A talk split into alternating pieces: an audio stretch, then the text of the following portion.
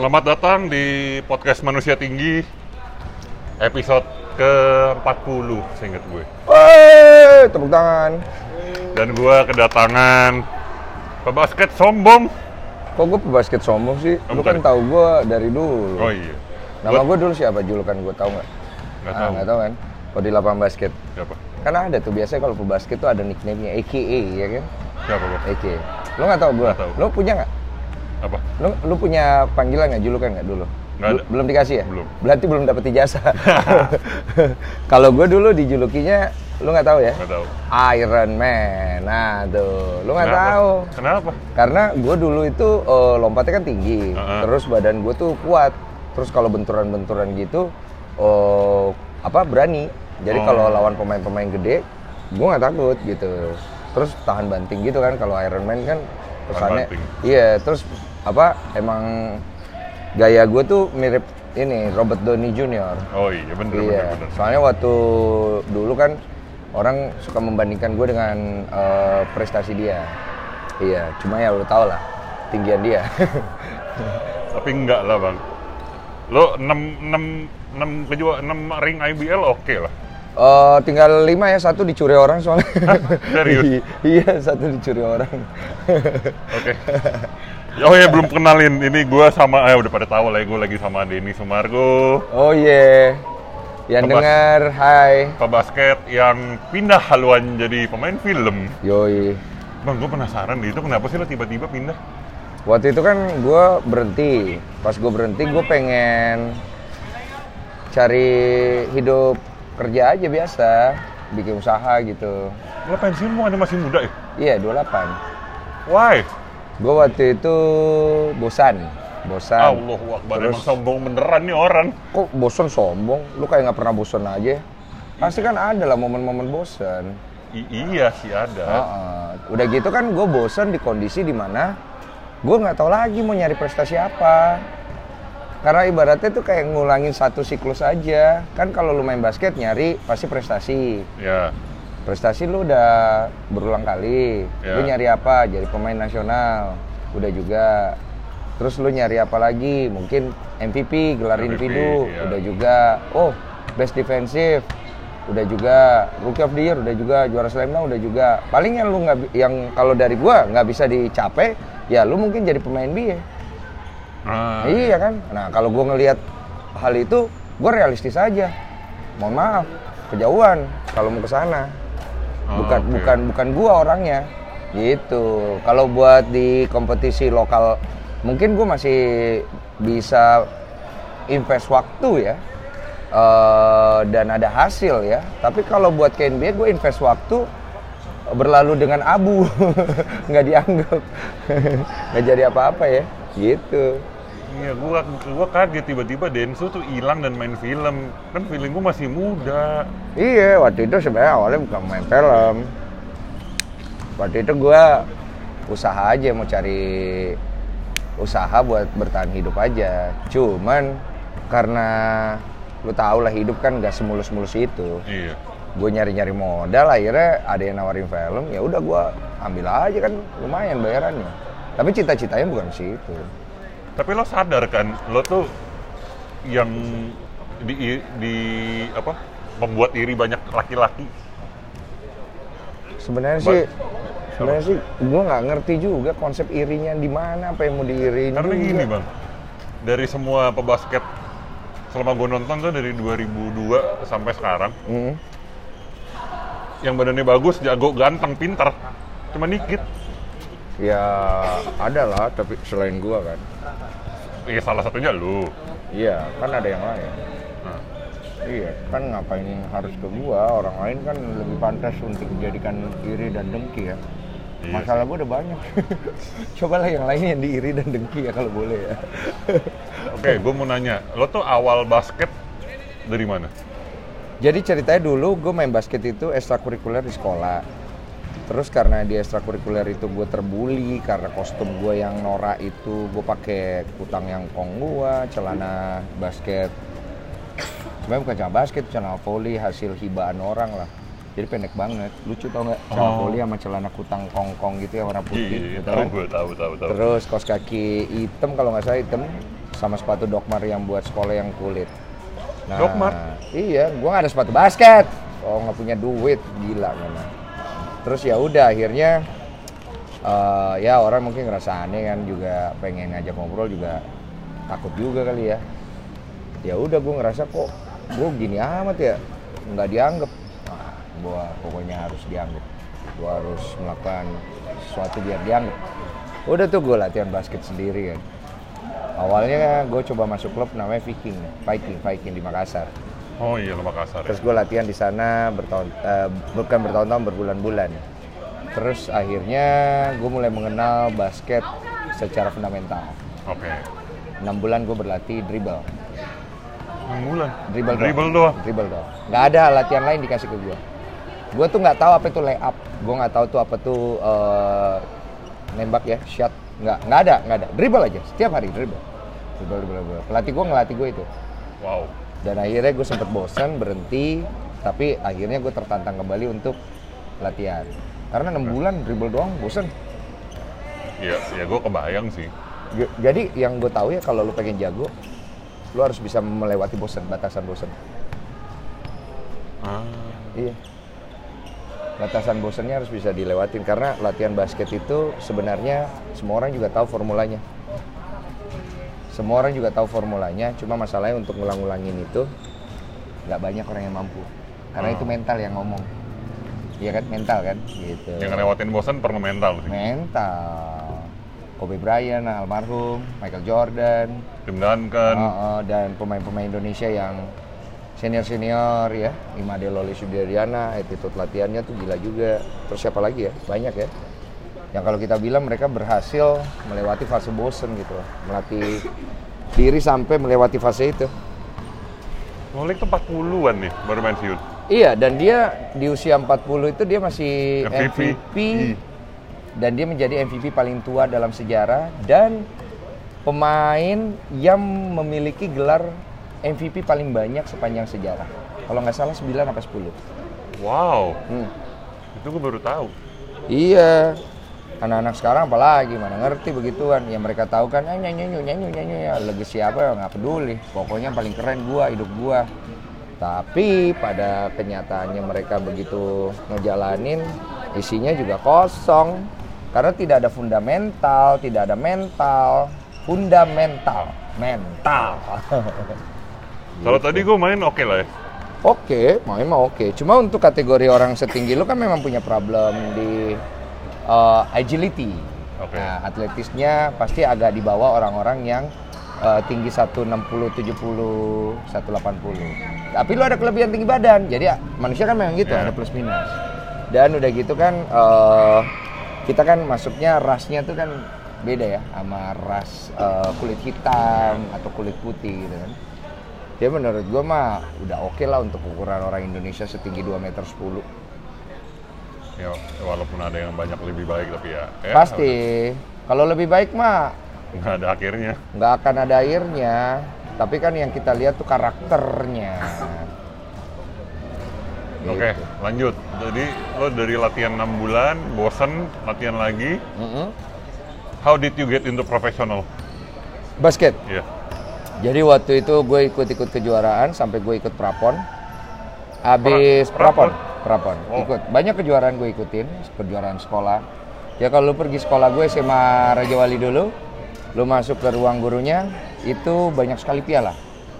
Ada beberapa lemari isinya piala, nah piala saya. Jadi banyak kejuaraan diikutin, bukan bukan cuma gua, maksudnya ada teman gua yang lain. Iya, maksudnya sombongnya begitu.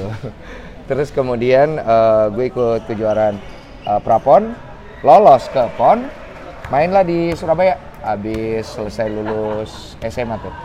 Setelah pon selesai, kita kan eh, selesai dengan peringkat ke 8 kalau nggak salah eh, Sulawesi Selatan ya. Itu tahun?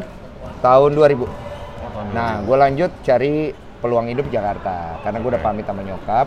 Gue bilang saya mau cari jalan hidup lah, jangan nyusahin mama terus soalnya. Udah tuh gue berangkat. Niatnya mau kerja. Berujung bingung, bingung, bingung, bingung, nggak tahu mesti ngapain. Gue inget banget, Aspak pernah ngubungin dulu tuh. terus gue ke tempatnya Aspak. Ternyata waktu itu mereka nggak jadi mau rekrut karena gue punya mereka nggak suka pemain temperamen. Waktu itu gue pernah mau ribut sama pelatih gue di lapangan.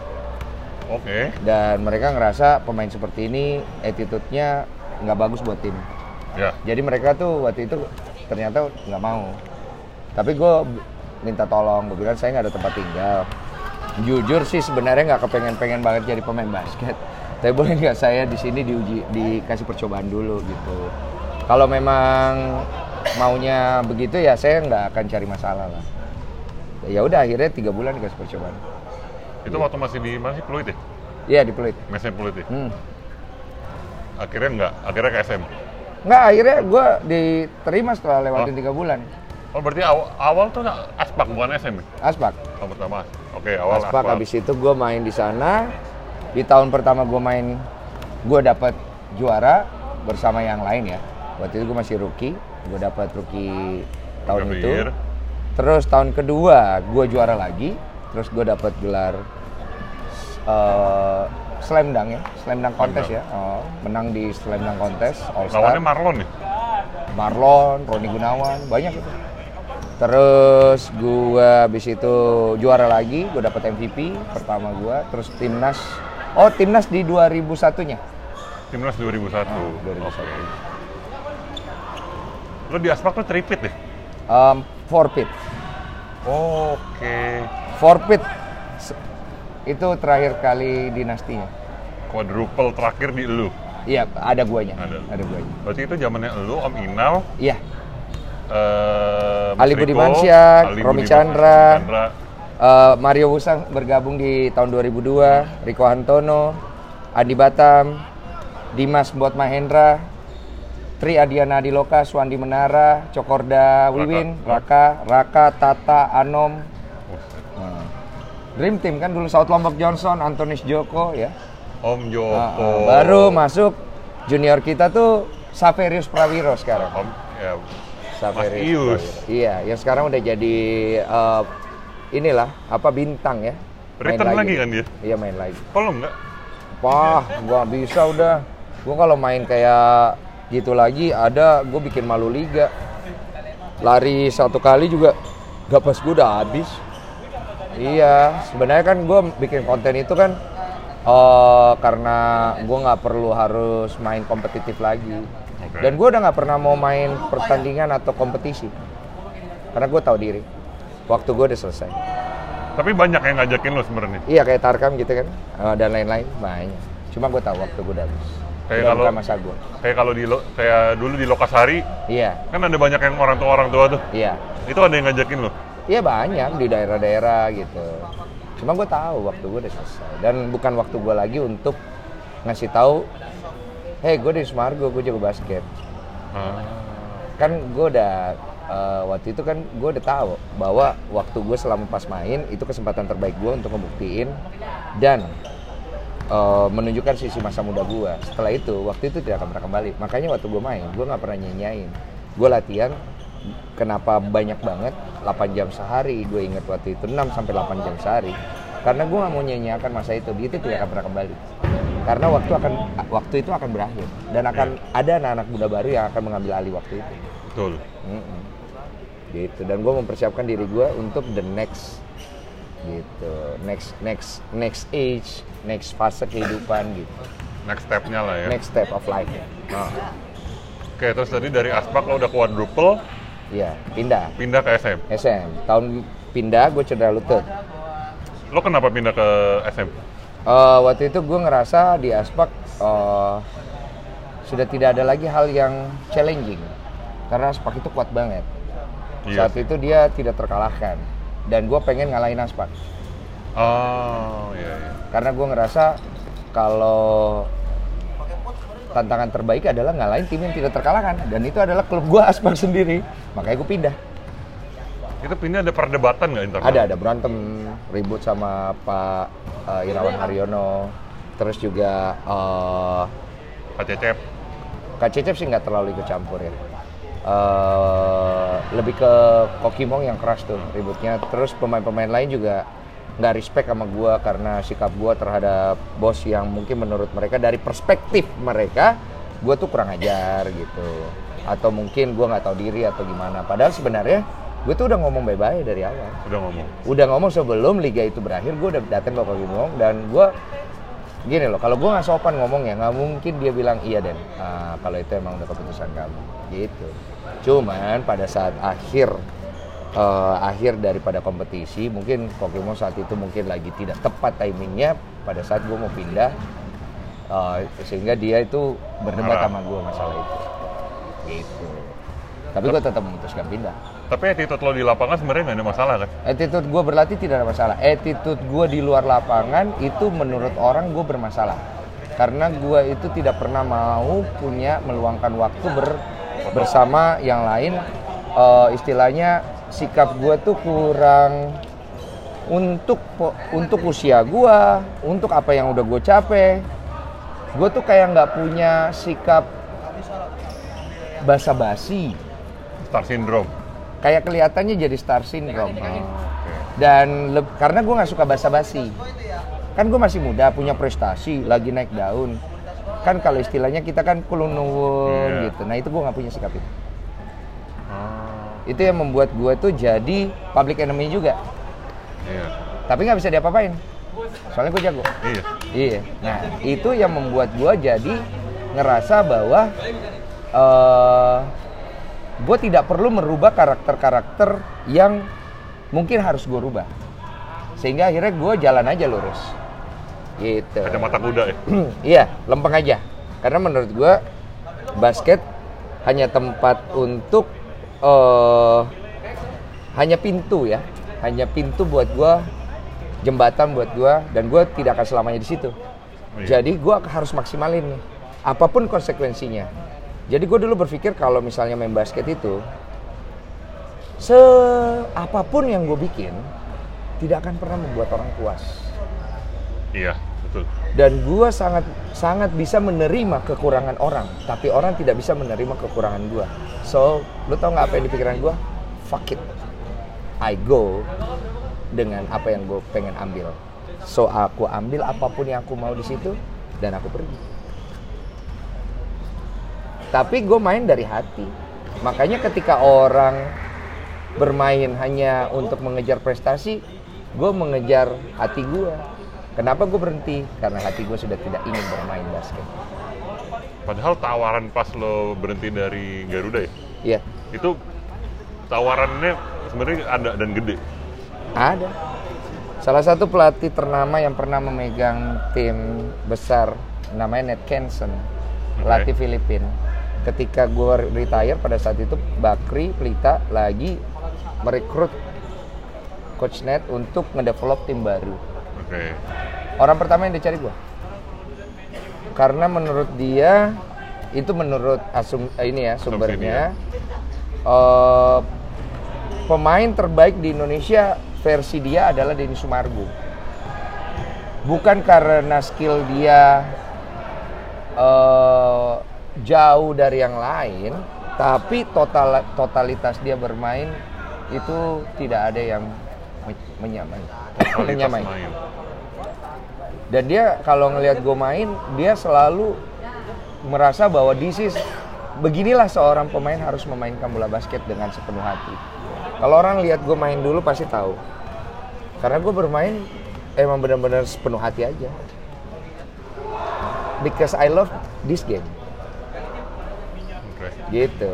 Makanya waktu gue berhenti dengan total gaji gue waktu itu saat itu mencapai 25 juta sebulan itu no problem saat itu ya Itu termasuk paling gede. Iya, tapi gue tinggalin aja.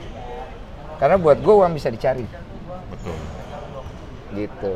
Wow. Jadi aja gue aja. Ternyata itu ngebuka pintu lain buat masa depan gue tanpa gue sadari sih. Tapi ya struggle lagi dari nol lagi, gue harus dari nol lagi. Banyak yang orang nggak berani melangkah dari nol lagi. Itu sih. Karena tahu nggak kenapa? Orang nggak mau capek. Iya. Tapi gue nggak percaya itu. Yang gue percaya hidup itu harus capek. Iya. Gue setuju yang gitu. Hidup itu harus capek. Harus. Karena kalau hidup itu nggak capek, ngapain lu hidup? No pain no gain. Iya, karena kalau lu hidup, lu hanya untuk makan doang, eh, mohon maaf ya, babi pun makan, monyet pun makan, hewan pun makan. Kalau lu hidup hanya untuk kerja, hewan pun kerja cari makan. Tapi hidup itu nggak cuma itu. Makanya gue nggak mau ngabisin waktu gue hanya untuk itu. Karena menurut gue hidup itu besar. Dan gue pengen menikmati kesempatan yang Tuhan kasih lewat waktu kepada gue yang gue nggak tahu sampai kapan untuk mencari besarnya hidup itu dan pengertiannya. Makanya gue ke mana-mana. Dan mungkin rezeki gue lewat situ juga. Gitu. Lu di Kenapa lu jadi diem anjir? Enggak sangat enggak gua gua tuh berharapnya tuh sama lu tuh ketawa-ketawa. Ya ini udah ketawa-tawa, Dok. Enggak lu serius, Bang. Woi, lu kan nanya gue partikel-partikel serius, gue kasih tahu serius. Nah, terus eh, di SM lu berapa lama? Tiga tahun. Tiga Jadi tahun. tahun pertama gue pindah, itu gue tidak main dulu karena gue sibuk eh, me- pulih dari cedera lutut kan. Oke. Yang gue cerita gue cedera lutut pas pindah. Terus gue sempet turun main pas di finalnya. Final. Oke. SM ketemu Aspak. Gitu. Sibuk main eh, waktu itu. Terus habis itu kita juara, terus juara lagi. Habis itu gua tengkar sama pelatihnya Coach Pak Ito. Coach Ito Victor Roring. Gue pindah tuh ke Garuda. sebenarnya bukan mau pindah, waktu itu mau berhenti. Mau pensiun Mau gitu? pensiun, terus Mas Erik diam-diam ngubungin almarhum Andre Mamuaya. Oke. Salah satu eh, dia adalah pemilik Garuda Bandung saat itu. Mas Andre panggil gua ke rumahnya, ngajak-ngajak ngobrol kayak teman. Nah di situ gua agak susah nolak karena orangnya humble banget. Gua nggak bisa nerima kalau orang, eh, gua nggak bisa nolak kalau orang baik. Akhirnya gue setujuin untuk main dengan persyaratan gue tidak mau dikontrak. Jadi kapan pun gue berhenti gue bisa. Jadi lu di Garuda nggak ada kontrak? Gak ada. Dan gue udah bilang dari eh, sama Mas Andre, Mas Andre saya main bukan karena siapa pun, saya main hanya karena anda. Dan gue berhenti ketika Mas Andre Mamuaya kecelakaan dan meninggal dunia. Di tahun 2011. Gitu. Begitu ceritanya panjang ya. Panjang. Mm-mm. Dan gue inget tuh, eh ini, gue mau bahas yang tadi. Lo ke SM, main di final lawan Aspak. Iya. Rasanya gimana? Rasanya menggebu-gebu lah. Kan gue emang pengen ngalahin Aspak. Itu di hall A, apa di Beritama? Eh, di Beritama ya, di Beritama ada di Hall A juga. Tapi emang gue menggebu-gebu karena memang salah satu keinginan gue ada mengalahkan tim juara dan Aspak ada tim juara. Dan gue pengen ngalahin Aspak. Quadruple itu dipatahin sama lo berarti ya? Yang beruntunnya kan? Enggak, Enggak. dipatahin, iya sama SM. SM-nya pas lo pindah kan? Ah, tapi gue belum main saat itu. Pas jadi, final. jadi ceritanya gini, ini kan quadruple. Iya. Habis itu gue cedera lutut. Oke. Di final tahun kelima yang harusnya kesempatan untuk lima kali juara, Aspak kalah lawan SM tanpa gue bermain di kedua tim karena gue cedera lutut. Oh, jadi tahun setelahnya lo baru main? Iya. Oke. Tahun setelahnya gue main, kan udah patah tuh Iya. quadruple-nya, pindah ke SM juara. Tahun berikutnya gue main di final pada saat gue udah selesai penyembuhan tapi kondisi gue belum fit banget. SM kalah sama Aspak. Jadi dia tidak sempat berturut-turut lima, tapi totalnya jadi lima. Setelah gua tahun berikutnya, gua nggak eh, kita ngalahin Aspak semenjak itulah Aspak tidak pernah juara lagi sampai Berubah ke NBL.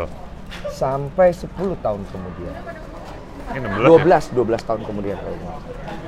Pokoknya melewati NBL segala macam, tidak pernah juara lagi.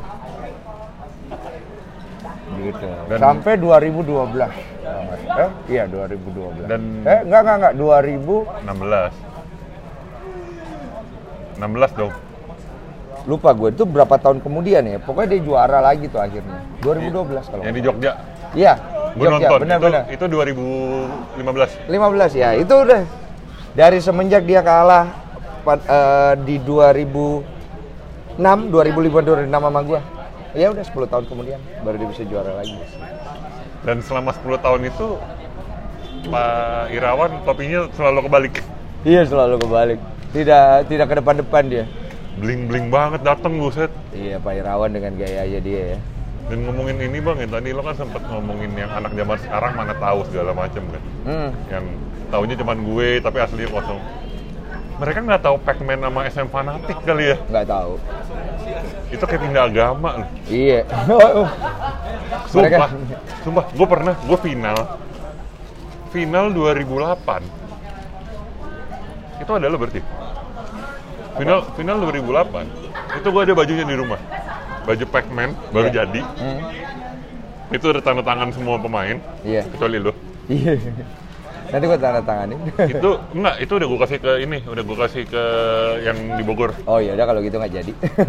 Ini, oh Bang. ini di itu ya bucket list ya. bucket list ini bang jadi gue duduk kan ya harusnya kan dapat tiket Iya. gue beli sendiri Iya. gue beli VIP Hmm. gue beli VIP side court depan gue Erick Thohir Hmm. depan gue Pak Erik Hmm. gue kata-katain Sampai segitunya ya. gue sampai segitunya dulu SM Lu- culun Erick Thohir ini Lu nggak tahu kalau sekarang dia jadi menteri ya. gue nggak tahu pokoknya pas pas tahu itu Moga-moga Mas Erik nggak nggak ngeh ke muka lu ya. pokoknya pas itu tuh semua yang berseragam SM gue teriakin Iya, segitunya kan fanatiknya. segitunya Oh. sampai lo tau lah tiap El Clasico kan El Clasico tuh pasti malam minggu eh hari Sabtu jam 6 sampai jam 8 Iya. itu hall A nggak pernah sepi Yo. itu lo berarti berapa El Clasico? 6? 7? Banyak gua sampai terakhir tuh El Clasico tuh Garuda versus SM itu. enggak yang El Clasico Aspak SM Oh, Aspak. 6. 6 6 El Clasico. gue mau nanya perasaan El Clasico tuh gimana? Iya tegang, awal-awal tegang banget. Gue pertama kali, tahun pertama gue tegang. Kan gue udah main di final tahun pertama. Itu rasanya mau muntah ya. Hah, serius? Oh, karena tegang ya. Jadi eh, asam lambung lu naik ya, mau muntah. Tapi ya ditahan dong. Coba dilawan gitu loh. Tapi perasaan tegangnya itu tidak akan pernah terlupakan karena yang pertama kali itu selalu paling berkenang. So, habis itu udah biasa aja. Malah eh serem gue di El Clasico. Gue kan kalau partai-partai penting taring gue keluar semua. itu dia Iya. Biasanya pemain malah melempem. Gue malah jadi. Apalagi kalau ketinggalan poin. Wah, semangatnya makin tinggi tuh. El Clasico tuh yang gue tuh Rico Bang Ri- eh, Mas Rico Hantono Hmm. Bensu Hmm. eh Faisal pasti Iya, Faisal. itu bang Me- gue bingung lu mental ya. lu sama Faisal tuh kok dua-duanya tengil deh Tengil ya. Tapi basket itu kalau nggak tengil tuh nggak ada pemain tengil ya maksudnya. Nggak asik tau ditonton. iya Iya, kayak acara pesantren dong. gua jadi jadi kan dulu tuh Pac-Man kan Aspak Junior iya, dulu kan pojok belakang iya. pojok belakang depan bench Hmm. Itu pemain SM masuk megang bola yang teriak-teriak kita bang kami Yo. yang teriak-teriak Yoi, yoi. Kalau nggak ada kalian nggak seru cuy. nggak seru terus yang gue lupa 2009 apa 10 gitu Iya.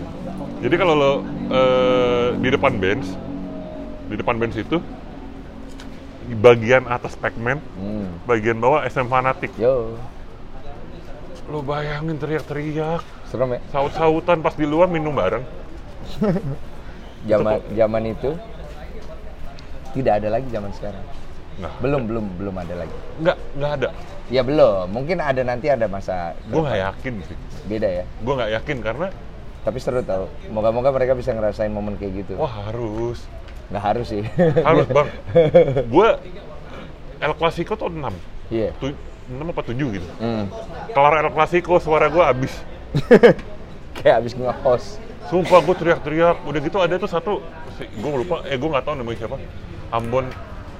Gendut. Pakai baju SM Hmm. fanatik dua fanatik 12 selalu pakai tangan SM nomor satu. Wah itu bulan-bulanan. Itu bulan-bulanan itu. Gue lupa lagi siapa ya. ada nih Gue tuh udah banyak lupa basket tau. Lu ngobrolin gue basket gini, gue flashback flashback berusaha nginget-nginget. nah terus lo kenapa bikin konten basket lagi? Gue bikin konten basket lagi gara-gara pandemik itu nggak ada kerjaan, terus gue dibujuk-bujuk tuh sama tim gue. ayolah bang bikin konten konten konten konten konten gitu. Gue bilang konten apa? Kita nggak bisa nggak ngerti. Udah bikin basket basket tuh basket. Ah nggak mau main basket males gua. Udah susuruan aja susuruan ya udahlah bikin bikin susuruan lama-lama stres juga tuh nggak ada yang nonton kan? Akhirnya gue turun tangan tuh ikut campur untuk ngemas. Eh jalan. Nah waktu itu gara-gara kita bikin judul pebasket sombong? Nah pebasket sombong ini akhirnya menjadi brand titlenya karakter gue di konten itu. Betul. gitu. Itu yang menariknya pebasket sombong itu kan gitu Jadi sebenarnya lo nggak pengen main basket lagi pada awal. Enggak, sampai hari ini juga kalau nggak perlu bikin konten basket, gue nggak bikin. Tapi karena gue seneng ya gue bikin.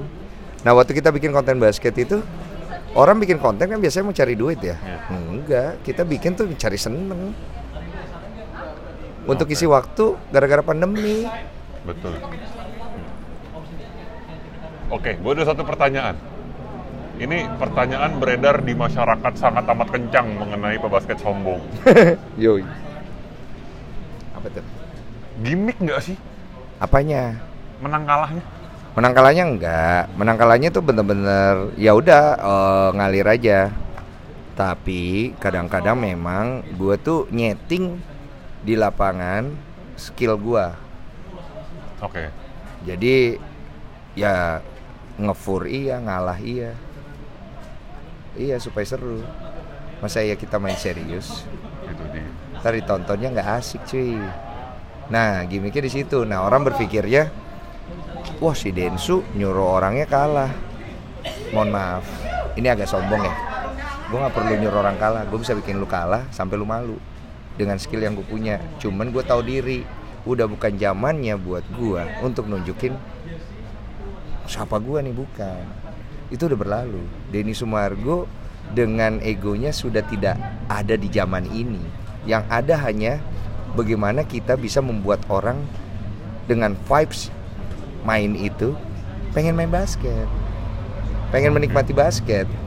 Karena entertaining seru gitu loh. Tapi kalau secara mainnya nggak ada yang harus oh lu kalah nggak main aja main aja gitu fun aja Ya kayak Gitu. tadi sih awalnya awalnya enak. Iya main enak, aja enak. gitu.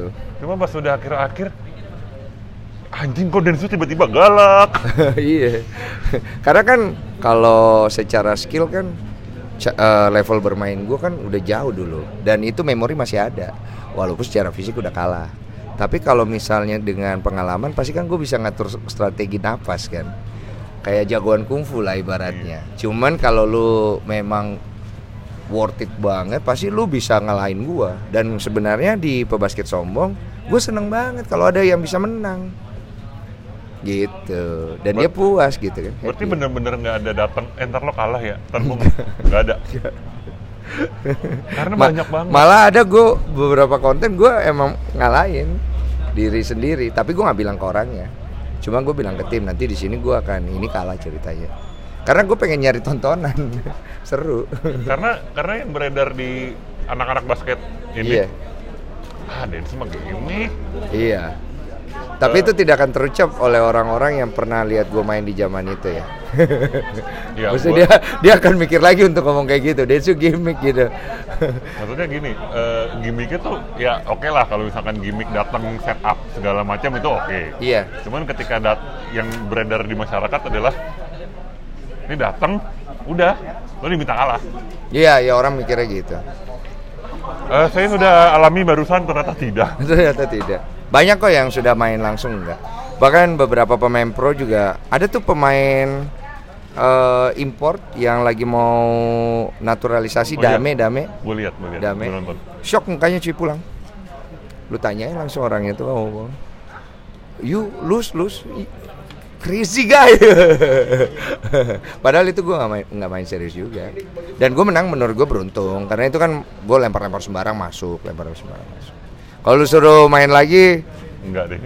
enggak deh gue kayak beda soalnya napas segala macam beda.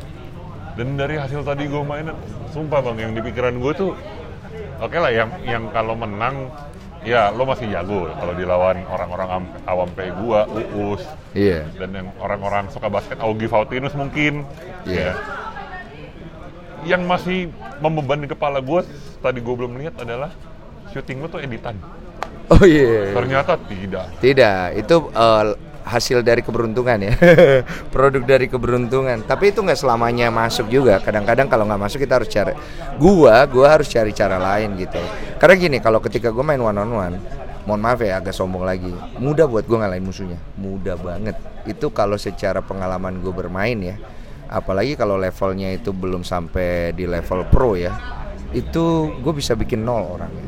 Pasti seribu persen gue bisa bikin ibaratnya seperti itu sombongnya ya tapi kalaupun dia bisa cetak ya paling satu dua tapi kan tujuan gue bikin konten bukan itu gue pengen bikin konten yang main happy kita jaga semi serius terus juga kita berikan juga penjagaan yang bagus terus juga kita berikan penyerangan yang bagus gitu jadi happy happy happy game Pantesan Gitu. di konten lu jarang ada profesional ya. Ada kan beberapa ya, tapi eh, kita combine. Kita udah pernah ju- undang juara eh, MVP final Hardianus, Saverius, eh, Abraham Wenas, Daniel. Daniel Wenas, eh Jaren Kram, eh Faisal Faisal. Faisal udah, Rico Hantono, eh banyak sebenarnya yang pemain pro atau ex pro yang kita udah undang gitu. Eh Roni Gunawan pernah, banyak banget gitu. Cuman mereka pun tahu gue tidak seserius itu main. Dan mereka juga tidak seserius itu mainnya. Fun lah, fun game. Looking back lo di Garuda, lo di SM, lo di Aspak. Ya semua konten pebasket sombong gue cuma melihat ya ini have fun sih Densu. Iya, have fun. Kita cari have fun. Masa-masa serius gue kan udah lewat. Kalau gue terusin kayak begitu, kesannya orang yang kayak gagal move on tau gak sih? Betul. Kayak masa lalu sindrom gitu loh, yang kayaknya masih tinggal di dalam situ. Post power syndrome. Post power syndrome ya namanya ya. Densu tidak post power syndrome dan tidak sombong-sombong amat ternyata. Eh, sombong lah, jaga branding dong. Ya karena gue inget loh sebelum sebelum dengan gimmick lo pebasket sombong nih, Iya. yang awal-awal 5 cm. hmm, hmm. Lo inget nggak ketemu gue di CFD? Iya, iya, iya, iya, inget inget. Lo tahu gue waktu itu? Gue inget muka lo, lu soalnya pernah minta foto kan waktu itu ya. Itu. Itu gue lagi jalan tiba-tiba. Ini Densu ya? Mas, eh kok nyapa gue kok kayak kenal? Iya kayak kenal. Soalnya gue inget muka lo. Gara-gara badan enggak? Badan juga tinggi badan kan. Gitu. Aduh, ya udah bang. Gitulah. Ternyata membuat flashback Densu cukup menyenangkan. Terima kasih banyak Tok udah bikin gue flashback. Terima kasih banyak udah mancing gue bercerita. Terima kasih buat hari ini. Eh, sebentar, sebentar. Satu Ada lagi. Oh iya. Tradisi di podcast gua, Iya. closingnya dari tamunya. Oke. Apa pun, terserah. Oke. Terima kasih sudah mendengarkan. Gue Denny Sumargo, Eke Pebasket Sombong dan Tito. Kita ketemu lagi nanti. Satu hal yang paling penting, if you love this game, jangan lupa mainkan ini dengan hati. I Nah, roll, baby. sampai jumpa di episode selanjutnya.